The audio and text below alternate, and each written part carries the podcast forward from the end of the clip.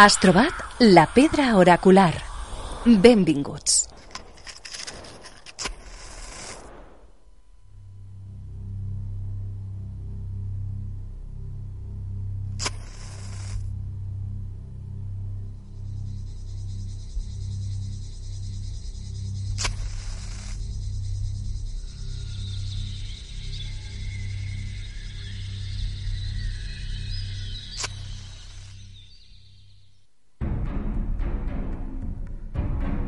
Segundo programa de la Pedra Oracular. Un viaje a un pasado relativamente reciente, con un escenario principal, la comarca de la Marina Alta, al término de la Segunda Guerra Mundial. Una guerra de muerte, con la pérdida de millones de seres humanos, desvásticas y brazos al aire, la historia de una derrota y una entramada huida. Hoy nos basaremos en testimonios y sus recuerdos, publicaciones, escritos, entrevistas y en especial una lista, fechada en 1945, que reproduce íntegramente el Archivo General del Ministerio de Asuntos Exteriores y en el que se recoge los nombres de presuntos agentes y militares nazis que residieron en España con la protección del régimen franquista, la conocida Lista Negra. Una lista de la que extraemos algunos nombres de presuntos agentes de las Waffen SS que encontraron un plácido y tranquilo refugio en nuestra comarca, abrigados y protegidos por la propia dictadura franquista.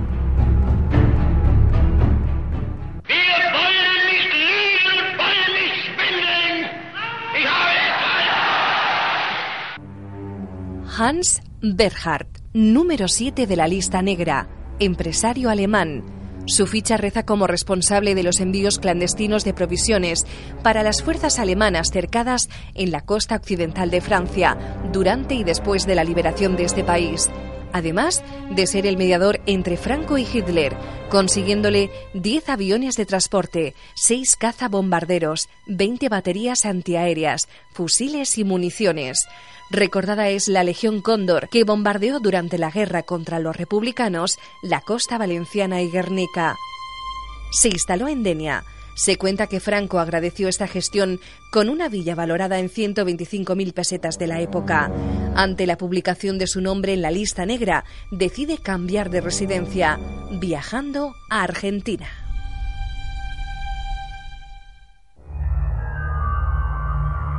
Gerhard Bremer exmiembro del exandarte personal de Hitler. Sirvió en la campaña de Polonia, la batalla de Francia y los Balcanes. En 1948 fue retenido en Francia, pasando seis años en prisión, hasta 1954, año que se traslada a Denia, donde pasará a dedicarse al sector empresarial turístico, con la construcción de los primeros apartamentos bungalows turísticos, Bremers Bungalows.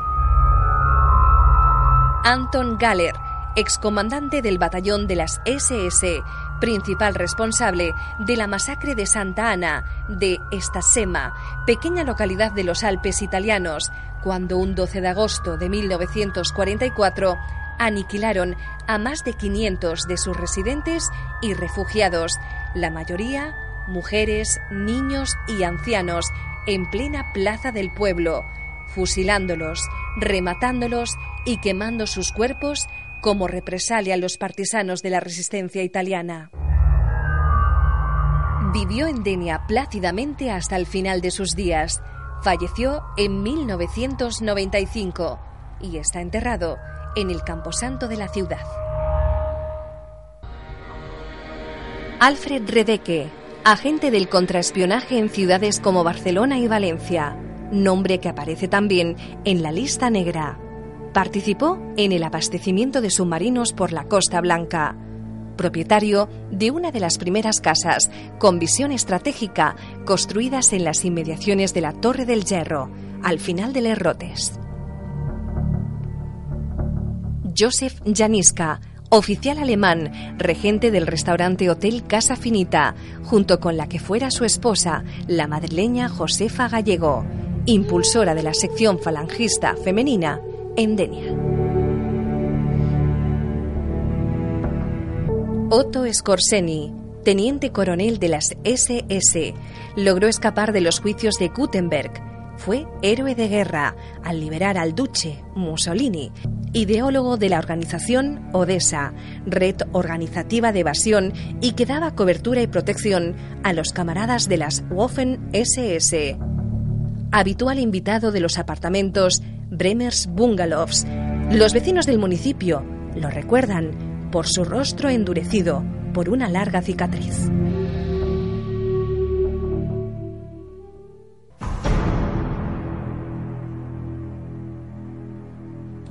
Vamos a intentar conocer cómo aparecieron en nuestra comarca y qué sucedió después. Y para ello, saludamos a Joan Cantarero, que es periodista y escritor, licenciado en Ciencias de la Comunicación por la Universidad Autónoma de Barcelona. Ha realizado estudios en el Instituto de Criminología de Valencia, especializado en investigación periodística. Además, es autor de varios libros muy interesantes, entre ellos Los amos de la prostitución en España, de en 2007, donde saca a la luz las tramas político-mafiosas del mundo de la trata de blancas, con nombres y apellidos y también en la edición Temas de hoy del año 2010 encontramos La huella de la bota, un libro de investigación muy interesante que pone al descubierto las vinculaciones entre las violentas eh, organizaciones ultraderechistas y neonazis legalmente creadas en nuestro país, con destacados elementos del nazismo refugiados en España y Sudamérica tras la Segunda Guerra Mundial. Queremos acercarnos hacia ese tiempo, hacia esa época, después de la Segunda Guerra Mundial, época en la que la dictadura de Franco miró hacia otro lado cuando se trataba de altos cargos nazis que utilizaban España como una cómoda y segura madriguera. Podríamos decir que un favor por otro. Así que saludamos a Joan Cantarero. Joan, gracias por, por atendernos. De nada, encantado.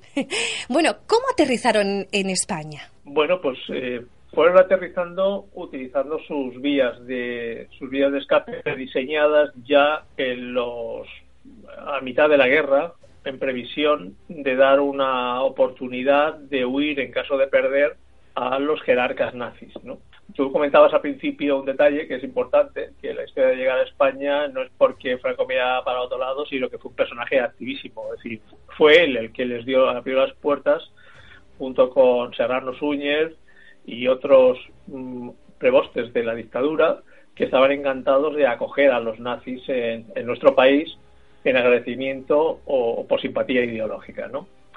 La, mayoría empezó a llegar a España gracias a que ya había toda una estructura nazi creada en España que era muy activa ya desde el año 39, incluso desde el año 38, incluso colaboraron con, con, el alzamiento contra la República y mm, incluso muchos de esos nazis que ya vivían durante la República en nuestro país y algunos en Denia, pues fueron los, fueron los que de, alguna manera forzaron a, que tras el triunfo del fascismo en España recibieran el apoyo de la aviación nazi de los fascistas italianos para bombardear nuestro país.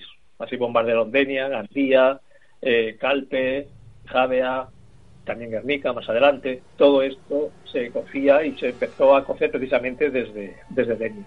Y eso es muy relevante. Y muy importante esa red, esa conocida red eh, llamada Odessa o, Araña Negra, ¿no? Sí, Odessa es la eh, es una, estructura que te digo que se crea en torno al año 43-44, donde participan pues grandes empresarios y gente de pasta, entre ellos el abuelo del, del efectivamente, que forman parte pues, de ese entorno que apoyaba al nazismo y que se beneficiaban precisamente de esos negocios. Estaban también los empresarios fabricantes de, del gas ciclón, en fin, los de las empresas automovilísticas, de BMW, de Mercedes, en fin, estaba, todos estaban ahí metidos en este en, la creación de esta estructura, la que dotaron de presupuesto para poder garantizar la huida de los nazis en caso de perder. Se llamó la red Odessa. En España se denominó la, la red araña. De hecho, muchos nazis consiguieron huir con identidades nuevas gracias precisamente a documentos de, refugiados que había expedido tanto la Cruz Roja Internacional como el propio Vaticano. Entonces, durante ese periodo de, tiempo, pues la fuga fue total, utilizando barcos, utilizando cualquier vía de escape a través de Italia, la mayoría de ellos, con destino a España o a Marruecos y después con la voluntad de llegar a Argentina, que era el destino eh, preferido de la mayoría de la mayoría de estos personajes. Y la costa valenciana, ¿no? Claro, claro, para llegar a España y, y luego para allá. Muchos llegaban a Alicante, a Valencia, a Mallorca, Alicante, en fin, esa era un poco la llegada. Pero que los que habían llegado ya al principio, como era el caso de Scorseni, o otros que habían huido, como era León de Grel, que era el nazi belga, luego aquí había otro personaje que es el famoso Otto Scorseni del que estábamos hablando, que llega, también lo protege el gobierno español, le da muchas identidades, os voy a leer algunas porque el listado de identidades de Otto Scorseni eh, es, es curioso. Mira, por ejemplo, eh, tiene un, un, nombre que llega a ser Otto Stenbauer, luego le llaman Anton Scorseni, luego llama Alfred Broder, después se llamó Rod Steinberg, en fin, luego Gustavo Nomaro, luego Gustavo Navarro, en fin, utilizó varias identidades que el gobierno español le iba dando para intentar desviar la, la intención de los aliados de capturar a la gran cantidad de nazis que se habían refugiado en, España. ¿no? En este caso, pues ahí tenemos a este personaje que es precisamente que se convierte en el líder de Odessa.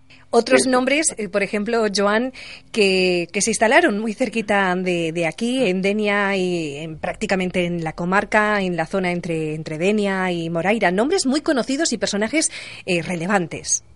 Sí, bueno, tienes que tener presente que, la figura de Scorseni es muy relevante junto a la de, la de otro señor, que, en este caso es eh, Bremer, Gerhard Bremer, que eh, montó sus apartamentos, que todo el mundo conoce, que están ahí, incluso es el único tramo en la costa que le pusieron su nombre, ¿no? Todo el mundo conoce, conoce el, único tramo que hay en, las rotas, es esa zona peatonalizada y demás, se llama, la llaman Costa Bremer. De hecho, en algunos documentos aparece como Costa Bremer, ¿no?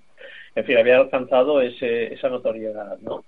De hecho, era un lugar de acogimiento, sus propios chalés, o sea, su propia, ese, complejo eh, turístico que había montado, que recibía muchísima gente, que fue prosperando durante el tiempo y nos organizaban grandes fiestas. Bueno, hay muchas cosas que se han publicado que supongo que ya conocéis, y os comentarán otros, otros historiadores y tal que, que son muy son muy notorias, ¿no?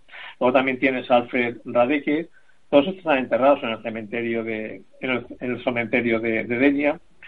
Tenemos también, por ejemplo, eh, como te decía, Alfred Radeke, que era un espía, un espía de la Gestapo, y que trabajaba para, y que figuraba oficialmente como, como representante de Valenciana de Exportación, sociedad anónima, que era, eh, se llamaba BESA, y era una estructura eh, ficticia para mantener su, su, actividad en España. ¿no? Él tenía su domicilio en, Torre del Cherro, en Denia, enfrente de, lo que es Casamena en la actualidad.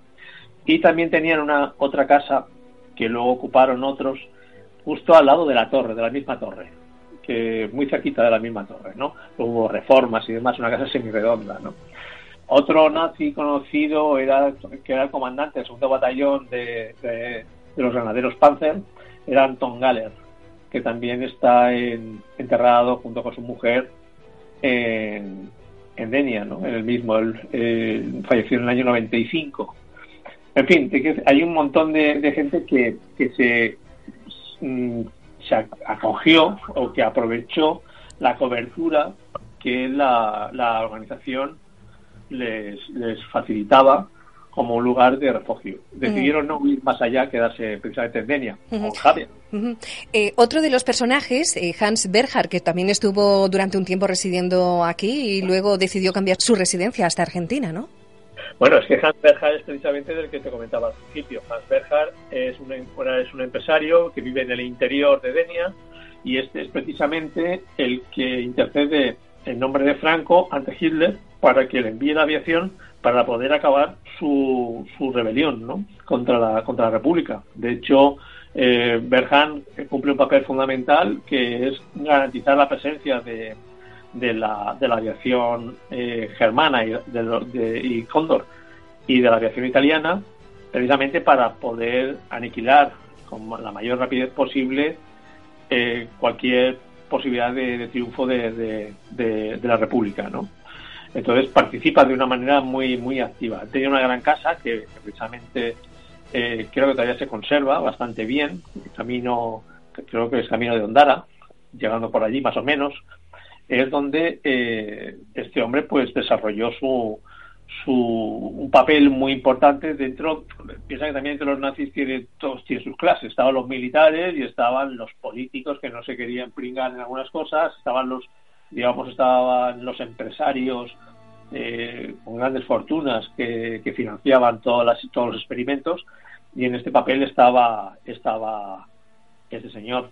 Por eso tampoco tenía relación, mucha relación con, los otros nazis. Con los otros. Mm, qué curioso.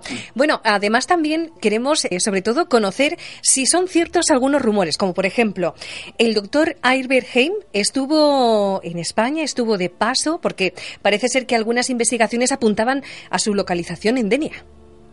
Sí, bueno, eso de hecho en el libro que escribí es, es una de las pistas que nos lleva y se recoge con una información muy precisa sobre sus andanzas. De hecho, se le apuntaba a su presencia ya en, al principio de los años noventa y tantos en Mallorca, utilizando una entidad de otro, de otro doctor. Piensa que este señor es identificado en el año 62, cuando había permanecido escondido durante bastante tiempo cerca de Hamburgo, y al final, cuando sabe que le van a capturar, decide huir y emprende una, una, una huida desaforada hacia España con la intención de irse a América. ¿no?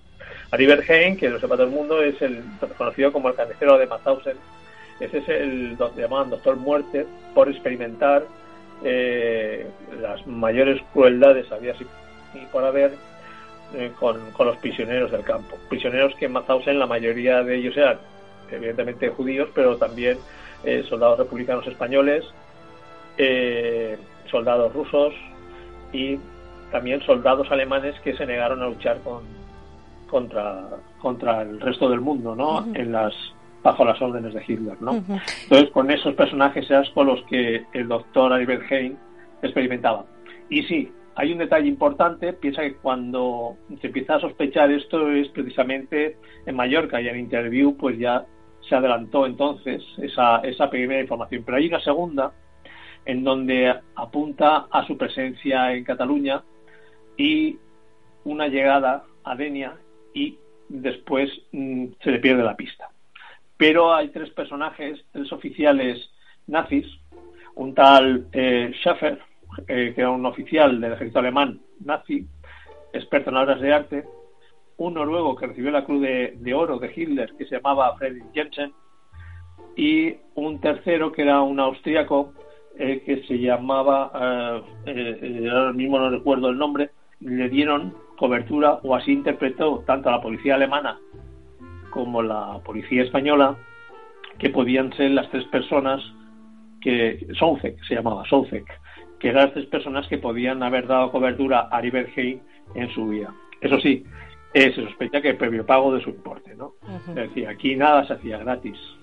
Y Joan, eh, ¿qué sabemos de esas declaraciones de también un polémico espía, eh, que es eh, Alcázar de Velasco, que ha declarado en varias ocasiones que Martin Bormann estuvo de paso en Denia? ¿Qué hay de cierto en eso? Pero, hay que poner en cuarentena la declaración de este señor y de otros muchos. Es decir, aquí hay una necesidad de, crear un, un ambiente de misticismo nazi que aquí han pasado todos y demás. Bueno, Martin Bormann murió donde murió, se murió en Alemania y eso está, está acreditadísimo. Jamás llegó a huir, su, cuerpo fue encontrado y lo demás eran leyendas, como las leyendas de la supuesta huida en un submarino a Argentina de, de Hitler que desembarcó en no sé dónde, que sale en cuarto milenio periódicamente alguien de la revista Más Allá contándolo, ¿no?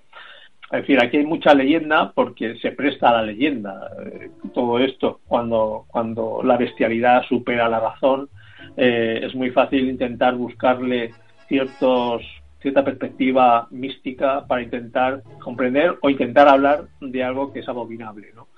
Entonces, eh, hay una serie de, supuestos historiadores vinculados al, a la ultraderecha, al franquismo, a lo más carpeto de nuestro territorio patrio, que les encantan pues recrear eh, fantasías como esta, ¿no? Hay muchas de ese tipo. Bueno, pues no te robamos más tiempo. Muchas gracias por atendernos y ha sido un placer poder hablar contigo, Joan. Gracias. De nada.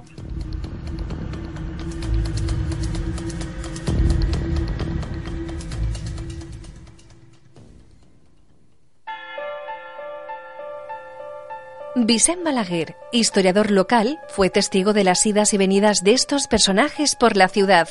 Así nos hablaba de Hans Berhard. Inclús els dies d'haver estallat el conflicte, ell se'n va per a donar-li a Hitler una carta que dirigia Franco demanant que, que l'auxiliara, que enviara avions i si ell si demanava 50 li va enviar 200 els que feren falta i va ser ell el personatge que l'enllaç del, del, del franquisme d'aquí i d'allò d'allà. I, I quan acaba, temps moderns, ja molta gent sabia el que era allà, sobretot la gent de la Xera. La finca és, és molt gran, molt ampla, en uns murs altíssims i un jardí grandíssim, que el donava la sensació d'aquest home, d'aquest l'home, el Belhard, que era una persona que li agradava molt la, la, la natura, el camp, això. I ell tenia una família aquí, família dels contraris. Hi ha uns altres contraris aquí. Doncs hi ha un pare i fill que estaven treballant allí en ell i quan ell tira d'anar-se'n allà, allà perquè ja no podia aguantar el tipus, se'n van anar en ells, en Argentina. I ha tal punt que fa poc, farà cosa d'un any això, un amigatxo meu que se'n va anar a l'Argentina, jovenet, es va casar, se'n va anar allà, va conèixer el, el... Diu, eixe, jo el coneixia, però com ell coneixia el Contrí també de Dènia, aquell va tindre gust de parlar amb ell i va i diu, jo vaig conèixer ese home que, clar, aquell era una persona major que estava per ahí en Pau. Conoció personalmente a Josefa Gallego, casada con el alemán Josef Janiska, gerente del hotel-restaurante Casa Finita, frecuentado por personalidades del municipio afines al régimen franquista y alemanes residentes en la zona, lugar de reuniones y fiestas. Ella una, una dona encara jove, templà, de molt moderna, de ser saps, molt lligaora i molt, molt, molt... Donava sensació de ser alliberar i ser accessible i tot això. Però la història no és això. La història és que ella era molt activa i, i la fan aquí, la, en un moment donat, la fan jefa de, de, de la secció femenina de Falange. I agarra el localet que havia pujant del carrer cap a dalt arrimat a una, un tresor una casa i és, ahir és on instal·len tot això. Però ella estava, portava totes les històries. I nosaltres en el moment que fem tota classe de funcionetes de teatre, eh, benefici d'aquí i d'allà, fontilles i moltes coses. Ella s'arrima a nosaltres a veure que això que era molt actiu i un dia inclús va agarrar i va organitzar una correguda de bous on ara la d'ara a benefici de, de l'estació femenina, que allò no funcionava i cert que me'n recorda que jo no sé, que no sé ni si vaig anar o no ara, però que, que van perdre aquests cabells. Ella quan parlava tenia molta confiança en, en altres, en teatres, jo, molta història, perquè nosaltres persones actives fent coses i ella també es però jo mai havia pensat que venia, que era una, una xica de, de res, de la secció femenina i aquestes coses, fins que ella no dona la cara per, per això. Recordo com si haguera dit alguna volta que ell havia vingut en son tio, que son tio, i no sé, i no sé jo si en aquell moment que feia totes les organitzacions, aquests actes públics, benèfics, no sé si ja estaven allí. Jo trobo que és que sí. El, que el xalet eixa des de primera ella, perquè encabant les coses que van vindre després, ja van vindre com si fos la seu. Sé que en, en un moment donat, i em dóna compte jo de que totes les històries van per allí, hi havia com una creu gamada allí dins del jardí, que després molts anys, ara fa poc, de 8 o 10 anys, van fer uns actes presentant un llibre i tot això, i el van fer allí. De Gerhard Bremer, Vicent destaca el relato del que fuera el director de la banda de música de aquella época, Josep Sendra, un 25 de julio de 1979. Josep Sendra, l'anterior eh, director de la banda, tenia una història increïble ell ve a principi de fer-se d'això de la banda i allí conviden una festa, diu, ah, mira, allà, però no sabien res de res, una festa, i, i entonces tots els joves, ai, que bé, ara allí veurem i tal i qual, se'n van allí, tachim, tachim, tachim, i a ple un moment separen davant de, de la porta gran de, de l'entrar a la Bremer's Bungalow. I ell, clar, ell, ell els, els músics estan ahí, ell té aquesta cara, els músics, darrere eh, està a la porta, i de moment obrin, oh, quasi es desmaia. Hòstia, va veure que anaven tots militarots en, en bandes i això, tot, tot. Els tenien com un memorat, no sé, no ho sé. Això què és? Jo, jo no, i va dir ella, la directiva, que ell no tornava a anar a mi. De Bremer también nos cuenta otra anécdota referente a su lancha y al parecer su pequeño embarcadero privado en la zona de Les Rotes. Allí baix tenia, ell tenia una lanxa sino de, que tenia nivell. I la gent mal pensava de que eh, venia algun aquí i se'ls va com estan propets en el nord, al, al nord d'Àfrica una història que ell aprofitava tot això. I això acabant ser d'uno que és amigatge meu diu que valet este un dia es va poder posar xulo i plantant-li cara, diu, Eixa, això no és privat, pot ser privat. I ara vaig allí a, a prendre el bany allí. Fan, va denunciar-ho algo, i aquell del departament de Cartagena que li van autoritzar i en pau. Recuerda las visitas habituales de Otto Scorseni por Denia, viéndolo entrar a entidades bancarias o tomando tranquilamente su vermut y copas en los bares del municipio junto a Gerhard Bremer. Jo dic, jo com tinc a la memòria de que Otto Scorseni havia estat aquí i, i tenia una cicatriu i tot això, i efectivament en les fotos que després apareix que sí que era la imatge que recordava jo. Jo me'n recordo d'un dia de veure'ls al bar Gavilà fora d'una terrassa i estaven els dos sentats cadira sina còmoda de Vimet, d'això una... Em recorda i tot el, el, que em sorprenia, no? I estaven els dos. Entonces, aquell moment jo ja sabia moltes coses. És un moment, de que seria en els anys 60 o 70, o la cicatriu ho recorda perfectament. I després, després m'entera que este vivia a Madrid. Este que estava allà a Madrid, i a Madrid pues, estaria també dins de les empreses eh, que tenien 350 empreses i una, algo increïble, una, una fortuna. Pues no li venia bé a Franco de tindre allí tot això.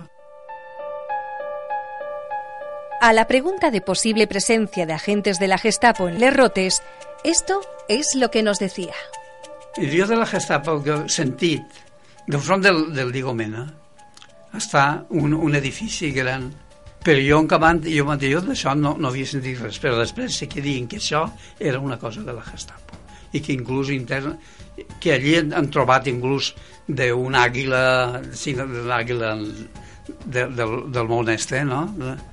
i allí hi havia el que havia llegit jo que uns vint i tants vint i tants llits i allí la meua, les coses que conec jo de la història mai hi havia hagut ningú hotel ni res.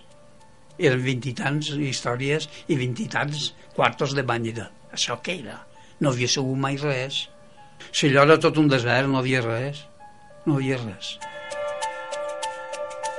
Nos despedimos de Vicent escuchando atentamente esta leyenda que corrió hace ya muchos años por diferentes periódicos extranjeros de la época. Tens que agarrar com a leyenda. Quan mor Hitler es va qüestionar si havia mort o no s'havia mort. Un, un amigatge meu, va llevar a Milvan, mira, ha trobat un llibre allí a Suïssa on havia una fotografia de l'entrada al castell, el que diem la Torre Roja, l'edifici que es queda a esquerra, que gran, i és una creu dient. Aquí havia estat amagat, Hitler no és mort, aquí havia estat amagat Hitler, que va estar provisionalment per acabant embarcar-se en el cavalló. Això en primera pàgina, la publicació.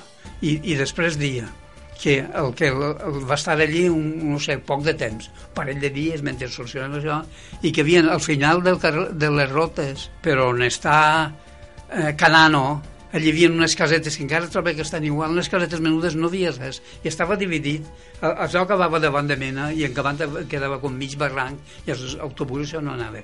I allí hi havia una parella de persones velletes, sí, majors, que vivien allí d'hivern i, d'estiu, que trobaven que, trobaven que era gent que estava al servei d'uns i altres i que aquestes persones havien el, el, el temps, el xocotiu temps que va poder estar Hitler allí dalt, els va portar víveres i coses. Clar, això és una llegenda perquè, home, després ja es troba, s'ha investigat això, això que dic jo ho, ho van fer fa uns 30, uns 30 anys.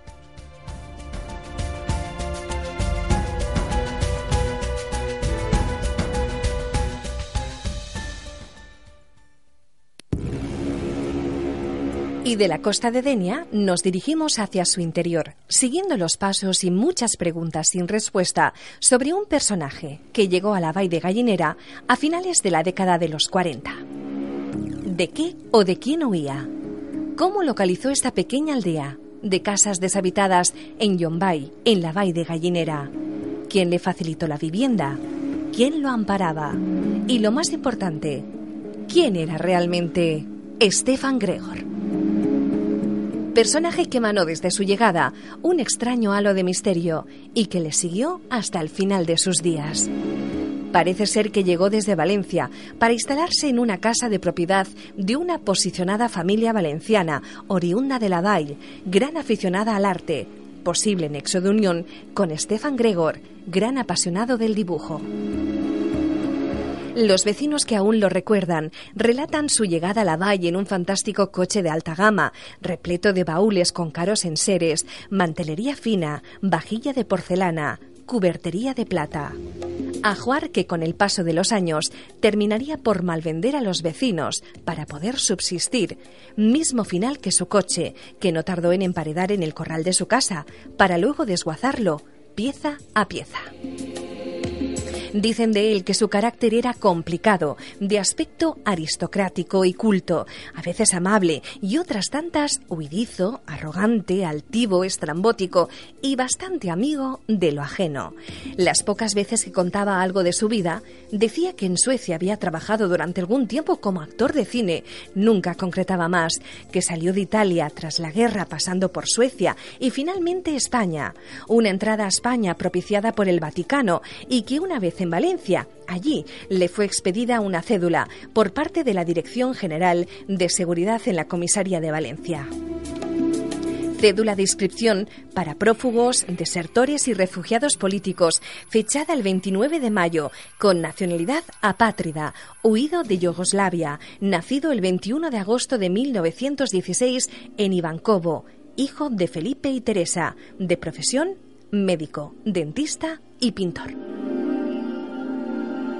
Se cuentan de él muchas anécdotas, algunas de ellas muy extrañas, como la de presentarse en alguna fiesta del pueblo desnudo, apropiarse de alguna vestimenta de la parroquia, la de construirse en lo alto de una peña en las inmediaciones del castillo de Benialí una caseta refugio, la de hacer misteriosos viajes a pie a Valencia, la de huir de dos personajes que fueron en su búsqueda a Yumbay, la de la visita de una enigmática mujer que estuvo mediando con él para llevárselo y que según cuentan los vecinos que les vieron salir pueblo en coche, su sorpresa fue máxima cuando al cabo de unos días lo vieron regresar a pie, solo, hacia su casa episodio que llegó a relatar en alguna ocasión en la que estuvo, según él, a punto de embarcar en un avión destino incierto, cuando pudo escapar y regresar a Yombay por las montañas. Que nunca le faltó una barra de pan pagada por no se sabe quién en el horno del pueblo. Y mil historias más que permanecen en el recuerdo colectivo de las personas más mayores de las poblaciones de la Valle de Gallinera yugoslavo, croata, ustacha, austriaco, nazi, al frente de alguno de los crematorios, tal y como apuntaron en su día reporteros del Spingel? ¿Quién era realmente? ¿Quién se escondía detrás de este nombre? Stefan Gregor.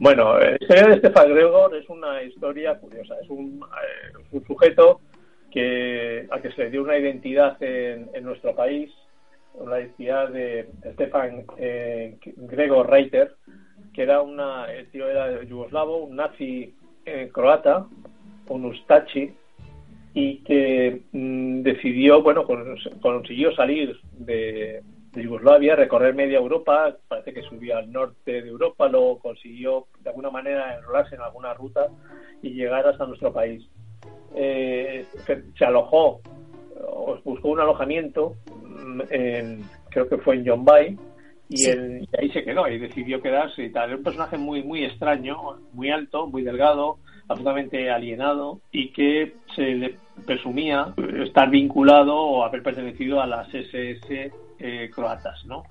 De hecho, hay que entender muchas cosas de las que pasan en el, presente basadas en lo que ocurrió en el pasado, ¿no? Si no entendemos el pasado es difícil que podamos entender por qué se producen algunos conflictos como en los Balcanes, ¿no? La historia entre los entre los croatas y los serbios, ¿no? Entre los eh, croatas, que los ustachi, y los chenis, que son los serbios, entre los nazis y los comunistas, ¿no? Que es una guerra que ha permanecido durante décadas, ¿no? Como mil, mil batallas que todavía estamos reviviendo, incluso consecuencia de la Primera Guerra Mundial, ¿no? Entonces, que se cumple precisamente este año 100 años, ¿no? De, su de, su estallido, ¿no? Este personaje, pues era un personaje que, que llegó con su vehículo y al cabo de un tiempo, pues decidió enterrarlo con una finalidad de no volver a huir. Dedicaba a hacer dibujos muy extraños. Creo que llegamos a publicar una historia en interview en el año, creo que en el año ochenta y tantos, en el año ochenta y tantos, así, en el año ochenta y tantos, noventa, especialmente sobre sus dibujos absolutamente enloquecidos, unos dibujos muy raros, con vacas y con y con carritos de niños y cosas de estas y tal, que todavía lo recuerdo, que había un mogollón, y que mm, mantenía una relación muy extraña también con los vecinos de, de Yombay. Era un extraño, ¿no? Era, era el nazi, luego supieron que lo buscaban, la policía lo visitaba, pero no le molestaba. En fin, era pues un personaje que no se sabe exactamente qué graduación tenía y cuál era su identidad auténtica porque creo que murió y se la llevó. Eso sí, él, nació en 1914 y, él, y cuando él fallece, que, que fallece en el año 70, 72, por ahí, eh, está enterrado creo que en el mismo John Bay. Está enterrado en el cementerio, sí. Sí, está allí. Creo que lo enterraron hasta con sus hasta con sus obras de arte. ¿no? Este señor, evidentemente, cuando cuando aparece, en este caso por Valencia, por John Bay, que ya con su vehículo piensa que llega en el año 50 y tanto, 55, 56, casi 6, 7 años después, o un poquito más, acabada ya la Segunda Guerra Mundial. Es decir, un, un periplo muy largo intentando sortear la, la, la, caza y captura del nazi que habían ordenado los, los aliados, los vencedores de la Segunda Guerra Mundial. Entonces este señor, evidentemente, su comportamiento ya denotaba eh, un pasado muy muy convulso, ¿no? De hecho, su comportamiento, su comportamiento era una persona absolutamente alucinada, montando unas, unas fiestas muy raras, un, comportamiento absolutamente extraño y se apuntaba a que había eh, sido ingresado en un, campo de psiquiátrico eh, porque se presumía que pudiera haber estado participando de manera muy activa en alguno de los campos de exterminio que había en Croacia, ¿no?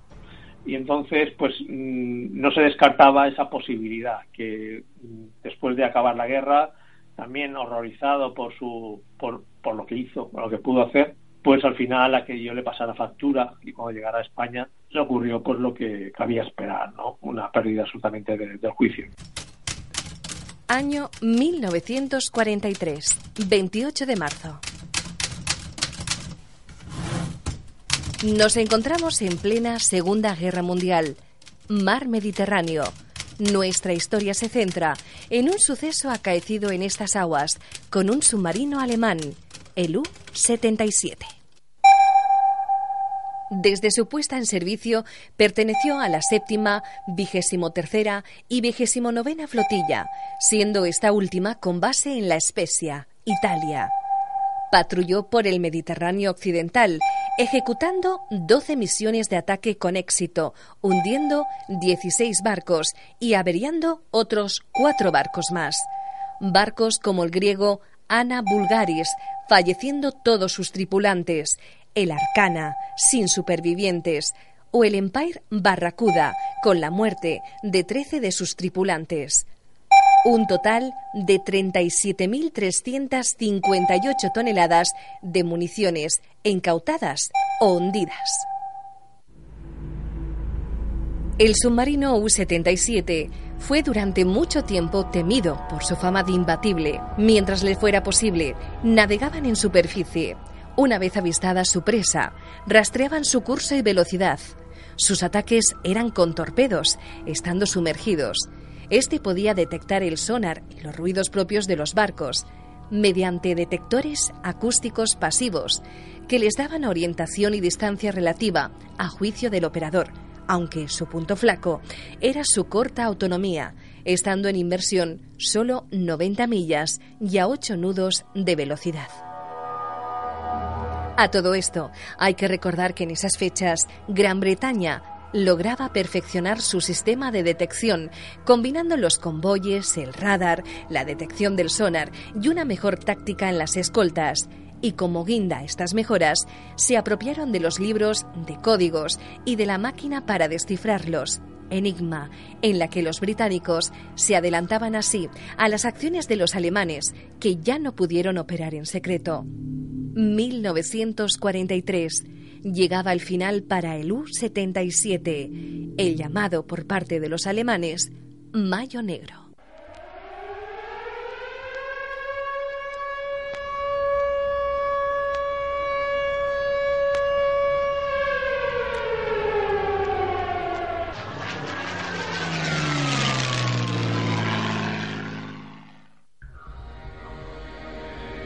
28 de marzo de 1943, cerca de las costas calpinas, 11.25 de la mañana.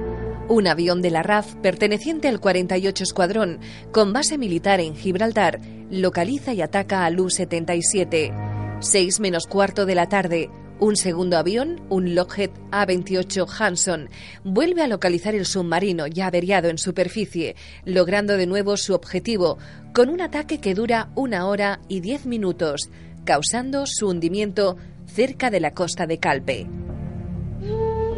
Hasta aquí la crónica de un submarino alemán hundido en costas calpinas, que deja algunas incógnitas y leyendas, ya que se cree que su misión no era la de interceptar y hundir los barcos cargueros que localizaban en aguas del mar Mediterráneo, sino la de transportar un importante botín de lingotes de oro.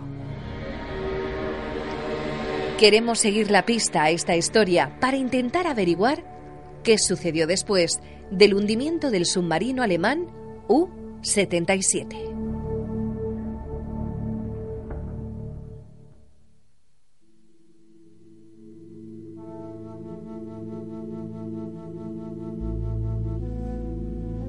Vamos a intentar averiguar qué es lo que pasó aquel mes de marzo en 1943 con aquel submarino, con el submarino U-77, hoy hundido muy cerca de las costas de Calpe.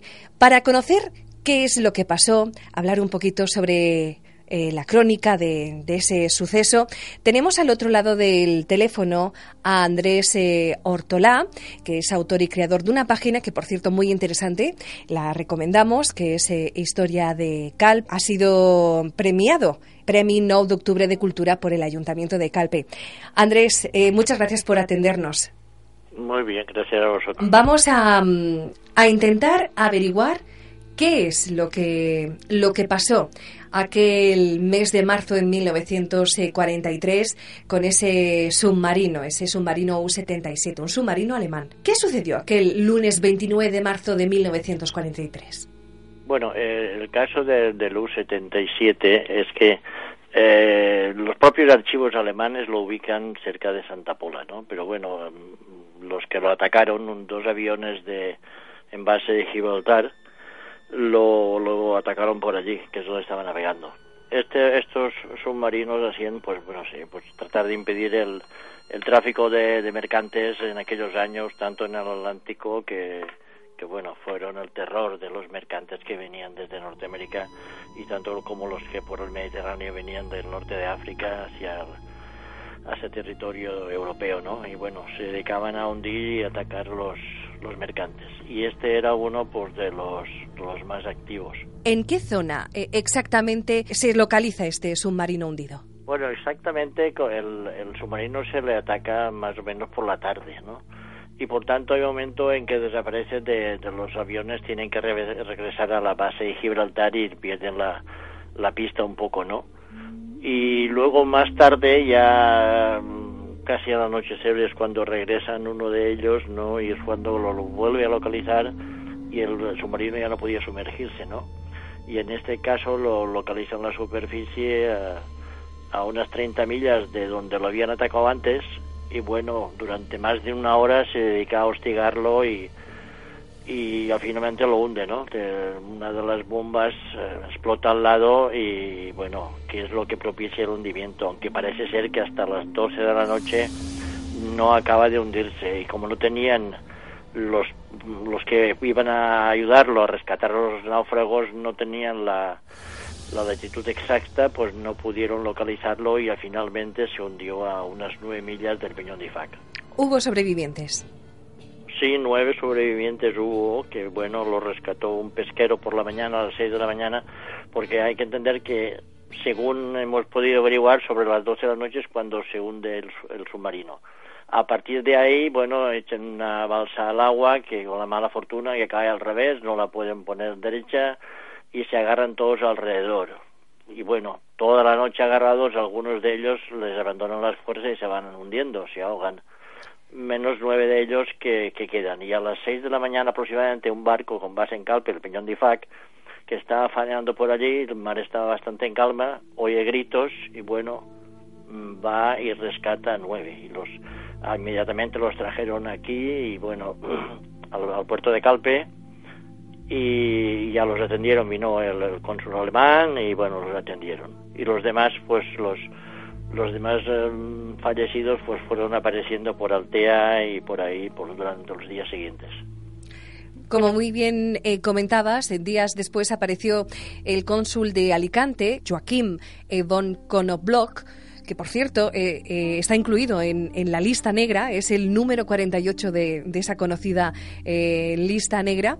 Y ¿Qué es lo que cuentan los vecinos de aquel entonces, los marineros, referente a, estos supervivientes? Bueno, estos estuvieron poco tiempo aquí, como, como ya hemos dicho, se hicieron cargo de ellos y, y, bueno, se fueron. Y realmente, pues bueno, eso al final quedó en el olvido también y no, y todo el mundo sabía que había un submarino ahí porque los barcos de arrastre, pues naturalmente que se muchos de ellos enganchaban las redes en, en el submarino y por tanto está muy bien localizada por todos los marineros y lo que hacían era oírle a pesar de, de las fotografías que se han visto después está lleno de, de redes enganchadas en, la torreta, ¿no? También eh, encontramos esa leyenda en la que se cuenta que podrían llevar un interesante botín de lingotes de oro. Eso es lo que cuentan las, las leyendas y lo que se puede leer, ¿no? En los diferentes documentos que, que se han encontrado respecto a la información del submarino U-77. Parte de leyenda, ¿no? Bueno, entiendo que es parte de leyenda. Hay muchas leyendas que no se sabe dónde tienen el origen, ¿no? Pero que a lo largo de los años, incluso de siglos, se siguen repitiendo sin tener ningún, ningún fundamento. En este caso sí que es cierto que en septiembre del 63 el hijo de Rommel estuvo por aquí, Manfred Rommel, y no se sabe lo que buscaba. El diario Información lo entrevistó y luego también la, la Vanguardia también hizo eco de la noticia, ¿no? Él dice que su padre tenía, bueno, muchísimos documentos y una gran cantidad de fotografías que él quería recuperar y que posiblemente fueran en el sumergible este. Pero, pero bueno, lo cierto es que este señor desapareció de aquí Incluso se llegó a, dar un, premio de 30.000 pesetas por parte de algunos periódicos alemanes si alguien lo localizaba y lo entrevistaba. Pero la entrevista está en el diario Información, ¿no? Y él no habla para nada de eso porque, bueno, faltaría más también. Unos documentos a lo largo de tantos años tienden a, desaparecer. Son fotografías de papel. Es eh, una teoría que, que se desmonta rápidamente, ¿no?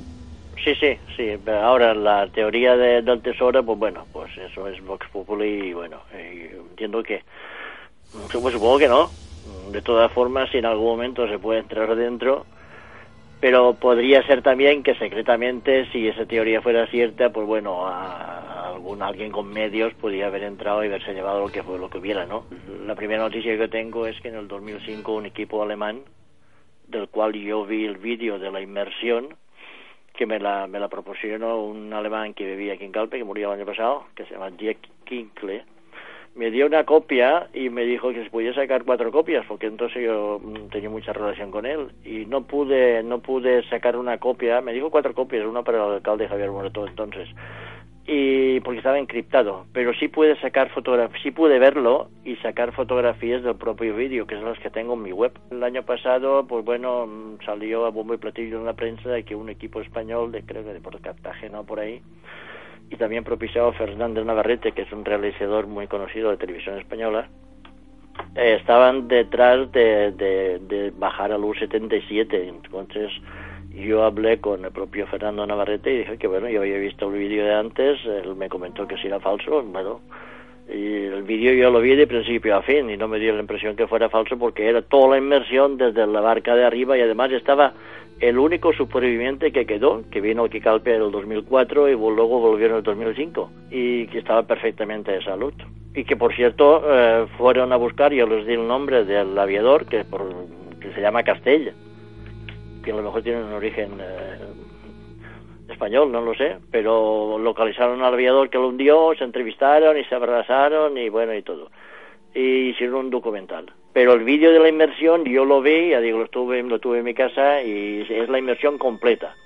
Que luego se montara y se hiciera algún arreglo, pues no lo sé, porque el otro no lo he visto. Como bien también decías, eh, también hace años se interesó por el tema un equipo de televisión, eh, en este caso nacional y española, como eh, también comentabas al frente del realizador Fernando Navarrete, que también se comentaba que, bajaron con, con buzos en busca del submarino, ¿no? Sí, ellos hicieron, a mí me entrevistó Fernando Navarrete, a mí y a, un marinero que queda del, del barco Peñón de Ifac, que se llama Blas Agulló, que todavía vive, tiene noventa y pico de años.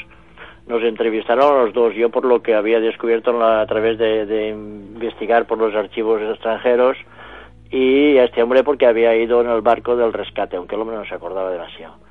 Y la idea fue ir a hacer una inmersión, pero creo que hubo mal tiempo, no sé qué, cómo fue la cosa. Y ya finalmente, ya digo, el año pasado un equipo de buceadores consiguió bajar y, bueno, y esto es lo que hay. Y creo que el propio Navarrete estaba involucrado en el, vídeo este de, como parte del documental que él quería, que quería hacer. Damos las gracias a Andrés Ortolá. Desde aquí queremos recomendar, porque hay muchas historias muy interesantes de Calpe y su municipio en Historia de Calpe, en la página web eh, Historia de Calpe. Andrés, muchas gracias por atendernos.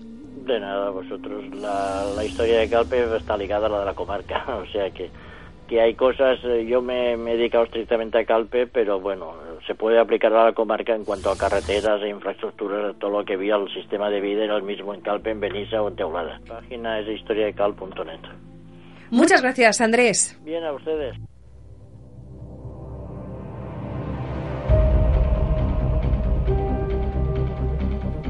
Una pedra oracular que sigue rodando en busca de más historias, más misterios en la Marina Alta. Hasta la próxima.